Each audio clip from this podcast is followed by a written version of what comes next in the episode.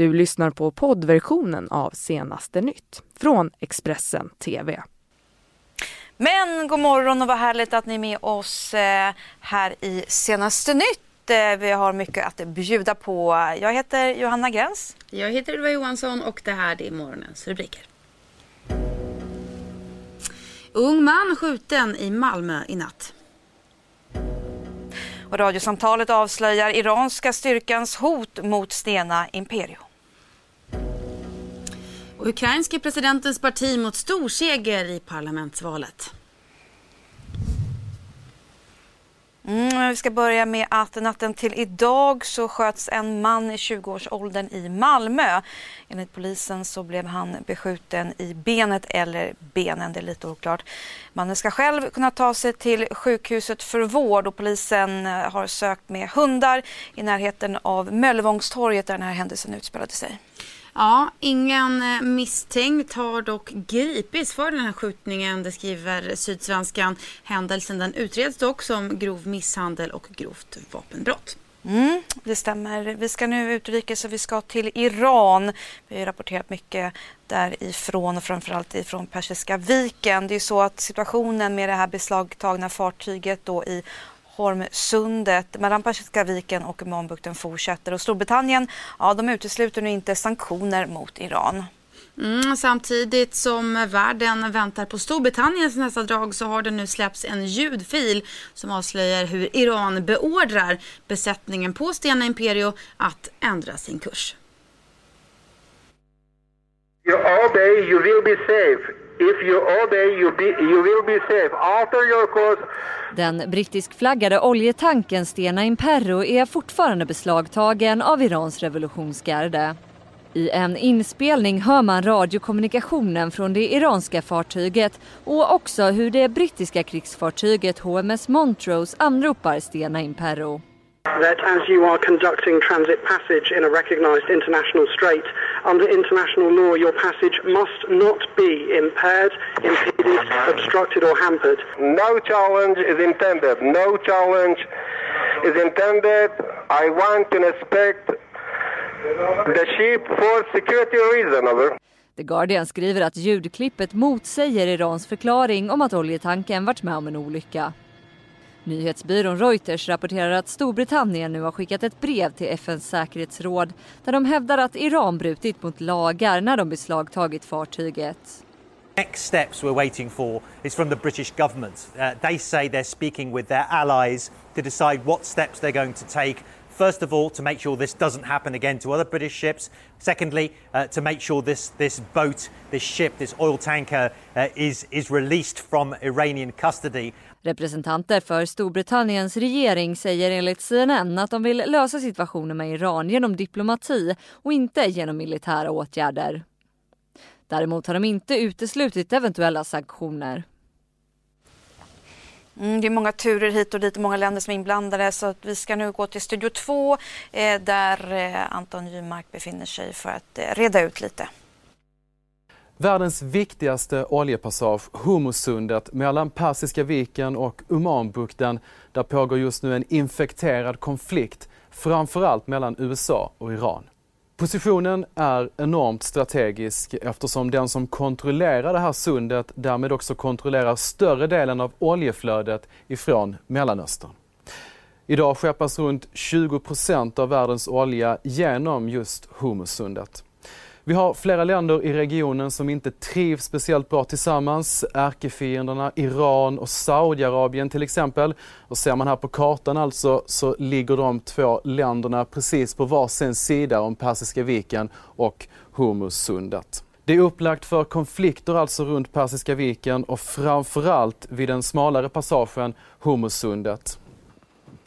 Den ser vi här alltså och eh, de här strecken indikerar alltså gränserna för de olika länderna. Eh, det här är alltså iranskt vatten på den här sidan av Persiska viken medan det här är Omans vatten. Eh, och de här två gröna strecken de eh, indikerar två stycken farleder, alltså som havets eh, motorvägar ungefär, där fartygen alltså passerar på omanskt vatten. Det är alltså upplagt för eh, konflikter runt Persiska viken och framförallt vid den smalare passagen, alltså vid Hormuzsundet som vi ser här. Eh, där oljefartygen alltså måste passera på sin väg för att exportera olja från Mellanöstern ut till övriga världen. Mm. Men det tar oss vidare till Hongkong där demonstranterna och polis drabbade samman återigen igår. Hundratusentals människor de gav sig för sjunde helgen i rad ut på gatorna med krav på att förslaget om en ny utlämningslag ska dras tillbaka. Mm, och den här gången så kräver eh, de också att en oberoende kommission ska utreda eh, polisens agerande i samband med de här tidigare demonstrationerna som vi har kunnat rapportera om. Uh, it's the first time for me to come out um, continuously over the months. And uh, why we do that? The government um, never respond and never listen. Polisen i Hongkong fick under söndagen använda tårgas mot de tusentals demonstranter som tagit sig ut på gatorna. Det var den sjunde helgen i rad som invånarna demonstrerade mot Fastlandskinas relation till Hongkong. Under söndagen var protesterna till en början fredliga men mot eftermiddagen kom rapporter om kaotiska scener. Enligt BBC struntade tusentals demonstranter i polisens order om en bestämd slutpunkt och fortsatte istället framåt. De ska bland annat ha kastat ägg mot ett av Kinas representantskontor i Hongkong. Sammandrabbningarna är en av många de senaste veckorna. Protesterna började som en invändning mot ett lagförslag om att göra det möjligt att utlämna misstänkta brottslingar till Fastlandskina. Lagförslaget drogs tillbaka men missnöjet och protesterna har fortsatt. Why we keep coming out? Because the government do not handle or respond anything on what is happening. Mm. Så är det och vi ska vidare, eller fortsätta med Hongkong för det är också så att eh, vår samarbetskanal CNN och deras reporter Matt Rivers han är ju på plats i Hongkong eh, och eh, framförallt eh, då under de här demonstrationerna när polisen sköt tårgas mot eh, demonstranterna. We just had to put our gas mask on. Go right there, Justin. You can see that's where all the tear gas has just been deployed against these protesters. What happens in these kind of a situation is that the, the gas spreads very quickly and so even though it looks like it's on the other side of the street it affects everyone in this area. And you can see let's come down here justin. Walk with me here. We're on the other side of the police line will. As they move continually trying to push back uh, watch the step here. You can see how right behind me this is where the police are going. They're trying to push back these protesters. What we've seen is several times as more tear gas gets deployed, what we've seen several times is the protesters have thrown things at the police and have actually charged the police on several occasions. And so the police have clearly made the determination, at least at this point, that they are going to be moving in quite strongly. They're not going to stand for that at this point. So the police full riot gear. They've got batons, They've got riot gear. They've got uh, shields. And they are deploying a lot of tear gas. This is certainly the most tear gas that we have seen in a very long time. Mm, och senare igår så blev ju också demonstranterna attackerade av maskerade män i tunnelbanestationen Yueng Long i norra Hongkong. Det skriver nu BBC. 36 personer ska då ha förts till sjukhus eh, efter de här händelserna enligt lokala medier. Mm, vi går vidare eh, ifrån Hongkong och så ska vi Eh, västeröver till USA för demokraten och ordföranden i USAs representanthus eh, hus juridiska utskott, eh, Jerry Nadler. Eh, han anklagade president Donald Trump för att ha gjort sig skyldig till brott eh, under Fox News Sunday igår. Enligt eh, Nadler eh, skulle presidenten kunna ställas inför riksrätt under den amerikanska åtalspunkten höga brott och förseelser och menar att den tidigare särskilda åklagaren Robert eh, Muellers rapport har betydande bevis för att Trump är skyldig. Mm, Nadler säger att Mueller måste få presentera fakta för det amerikanska folket och att administrationen måste ställas inför rätta. Och på onsdag så ska ju eh, Robert Mueller vittna inför kongressen. Den tidigare särskilda åklagaren eh, Mahler Mueller som ju var ansvarig för den så kallade Rysslandsutredningen och och eh, som då skulle försöka utreda om Ryssland påverkat eh, Donald Trumps, eh, eller försökt påverka Donald Trumps presidentvalskampanj 2016 eller inte. Och han lämnade över sin rapport till Justitiedepartementet i mars. Så var det. En lång process där har vi kunnat rapportera om fram och tillbaka. Eh, vi ska nu tillbaka till Europa och till Ukraina för igår så höll ju landet eh, parlamentsval och valet hade ju blivit tidigare lagt efter att den nya presidenten eh, Volodymyr Zelensky upplöste eh, parlamentet när han svors in på sin post. Mm, och eh, igår kväll så visade valkollsundersökningarna att eh, han fick nästan, eh, hans parti alltså, nästan 44 procent av rösterna.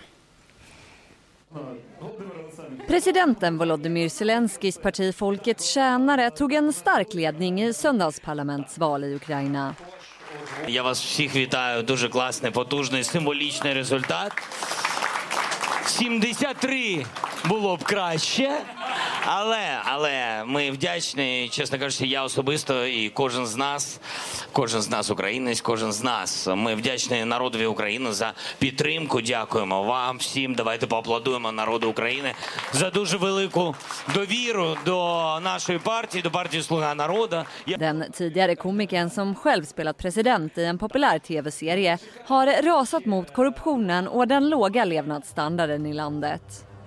På söndagskvällen visade det preliminära resultatet ett stort försprång mot tvåan, det proryska partiet Oppositionsplattformen för livet. Drygt hälften av parlamentsplatserna i Ukraina röstas dock fram i 199 lokala val och inte genom de nationella partilistorna. Volodymyr Zelensky hoppas nu på ett starkare grepp om landet och en möjlighet att fortsätta på sin västpositiva bana. När han blev president över Ukraina i våras hade folkets tjänare ingen representation i parlamentet och han valde då att upplösa det och tidigare lägga det planerade parlamentsvalet.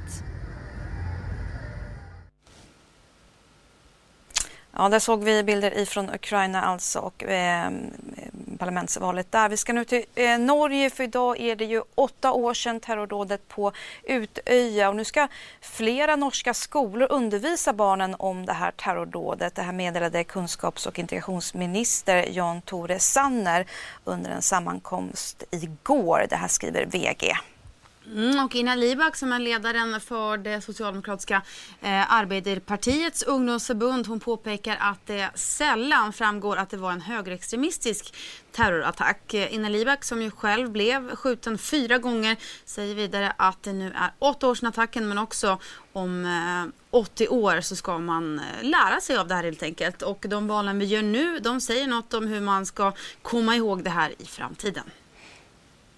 Mm, vädret har ju varit lite sådär, lite varannan dags väder. Eh, och Eh, det är faktiskt så att vi kan säga det att eh, de som har valt att ta en sen semester i sommar, de kanske har lite tur för eh, och verkar göra helt rätt för från och med nästa vecka så väntas det bli riktigt högsommarväder. Men meteorologerna de varnar tyvärr också för brandrisk och uppmanar till försiktighet under de varma grillkvällarna. Efter en relativt kall juli så vänder nu vädervindarna och medelhavsvärme drar in i veckan över stora delar av landet. Enligt SMHI kommer ett högtryck etablera sig över Sverige från och med onsdag. Det bär med sig varm luft och i stort sett uppehåll förutom möjligen i delar av fjällen. Man kan också vänta sig tropiska nätter på flera håll, alltså nattemperaturer på över 20 grader. I Göteborg och Västsverige börjar dock veckan lite sämre eftersom en storm från Norge gör ett kort stopp under måndag-tisdag. Det säger meteorologen Lasse Rydqvist på väderinstitutet Storm. Meteorologerna höjer också ett varningens finger för riskerna som finns med hög värme och sol flera dygn i sträck. Lasse Rydqvist på Storm poängterar risken för skogsbränder. Det är värme från södra Europa som nu håller på att leta sig upp mot Skandinavien. I veckan drar en ny värmebölja in över Europa och länder som Frankrike, Spanien, Portugal, Storbritannien och Tyskland kommer drabbas. Mm, och vill ni ha mer nyheter så rekommenderar vi starkt att ni går in på Expressen.se. Du har lyssnat på poddversionen av Senaste nytt från Expressen TV. Ansvarig utgivare är Thomas Mattsson. Ett poddtips från Podplay. I fallen jag aldrig glömmer djupdyker Hasse Aro i arbetet bakom några av Sveriges mest uppseendeväckande brottsutredningar. Går vi in med hemlig telefonavlyssning och, och då upplever vi att vi får en total förändring av hans beteende. Vad är det som händer nu? Vem är det som läcker? Och så säger han att jag är kriminell, jag har varit kriminell i hela mitt liv men att mörda ett barn, där går min gräns. Nya säsongen av Fallen jag aldrig glömmer på Podplay.